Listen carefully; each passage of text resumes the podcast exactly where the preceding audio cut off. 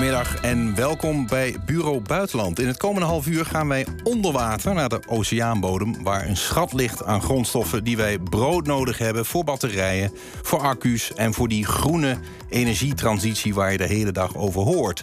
Maar is het milieu daar nu echt mee geholpen? En wat zijn de gevolgen voor het leven op de zeebodem? Daar gaan we zo meteen over discussiëren. En we zijn natuurlijk ook op de grond in het zuiden van Oekraïne... waar de slag om Gerson in volle gang is. En op het Griekse eiland Mykonos zijn ze de miljardair toeristen als Elon Musk spuugzat. Het is half twee, hoogste tijd voor buitenland. We gaan de grens over. Maar eerst dus Oekraïne. De strijd om Gerson in het zuiden van Oekraïne is in volle gang. Terwijl het Oekraïense leger daar oprukt en delen van het gebied bevrijdt... zijn de Russen bezig met het wegvoeren van tienduizenden inwoners... aan hun kant van het front. En dat doen ze naar eigen zeggen uit voorzorg. Aan de lijn is uh, Michiel Driebergen, ons correspondent in Oekraïne. Goedemiddag, Michiel. Goedemiddag, Bram. Waar, waar ben jij nu? Ja, er kan wat achtergrondgeluid te horen zijn, al, alhoewel het hier heel erg stil is. Ik ben op de begraafplaats van uh, net buiten de die zuidelijke provincie Gerson. Ja. Uh, net bij uh, een van de vele militaire uitvaarten geweest. Er waren alweer zes nieuwe gaten gegraven voor, ja, voor de, de uitvaarten die straks plaatsvinden.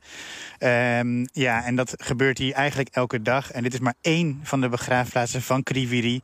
Ja, een stad weliswaar uh, ja, dicht bij die Gerson-regio.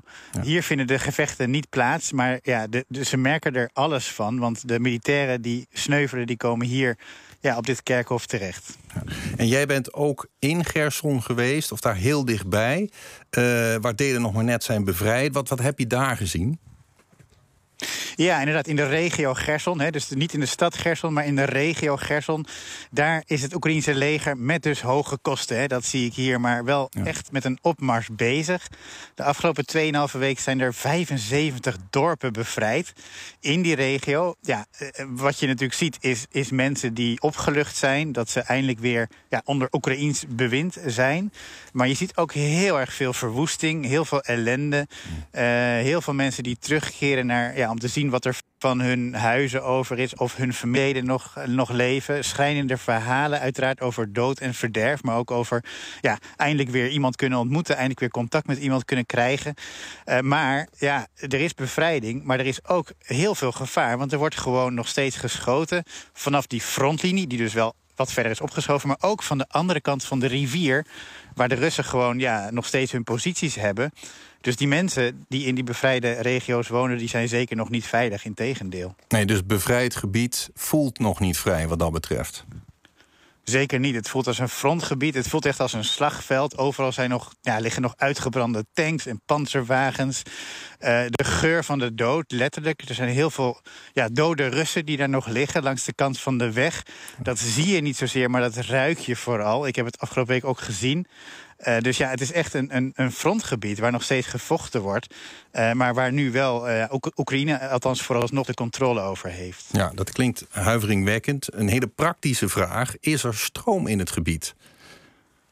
Nee, Nee, in de meeste dorpen zeker niet. Alles is kapot. Dus de gas, is, gas werkt niet, water werkt niet.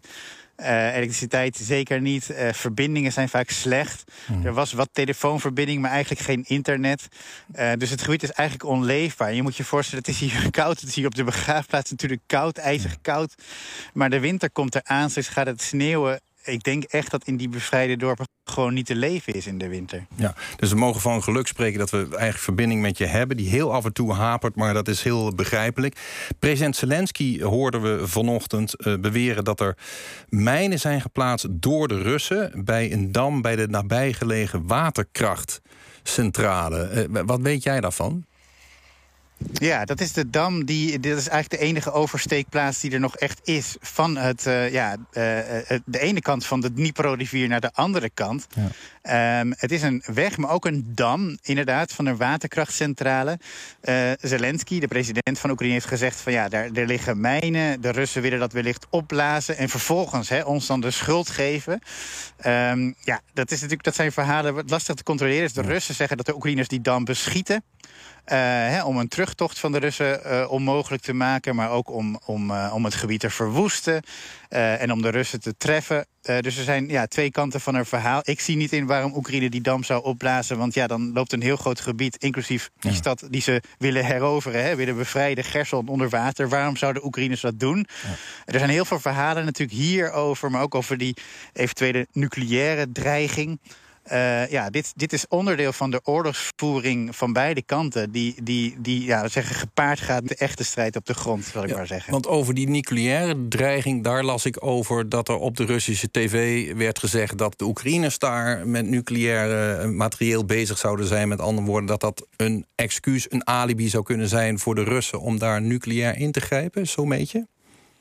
Ja, het is natuurlijk een, een, een befaamd woord in post-Sovjetlanden, zoals Rusland, zoals Oekraïne, is de provocatie. Hm. dus uh, uh, iets doen en, en, dan de ander de schuld geven, zodat, zodat je in kunt grijpen. Of zo, ja, zo, zodat je hulp kunt krijgen bij je strijd, bijvoorbeeld van Amerika, zeggen de Russen.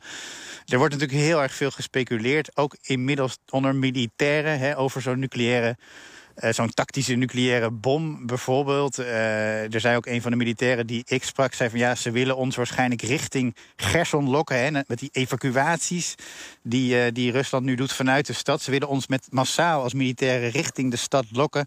En vervolgens ja, zijn ze iets van plan. iets groots. Hè, iets waardoor heel veel militairen omkomen om zo onze opmars te stoppen. Ja, dat soort verhalen. Maar dat zijn natuurlijk alleen maar geruchten en speculaties. Ja, en op de grond uh, bij de mensen zeg maar, op de grond... Uh, ja, daar, daar, daar merk je niet zoveel over die nucleaire dreiging. Nee, maar die angsten die hangen allemaal boven jullie. Dan nog even over wat dan wordt genoemd uh, evacuaties. Maar ik denk dat de meeste mensen gewoon spreken over deportaties... door de Russen van mensen aan de andere kant van het front. Wat weet jij daarvan? Ik bedoel, over hoeveel mensen gaat het bijvoorbeeld... en waar worden die naartoe gebracht? Ja, de plannen zijn 50.000 per dag. Hè, zou dan nu uh, gebeuren moeten.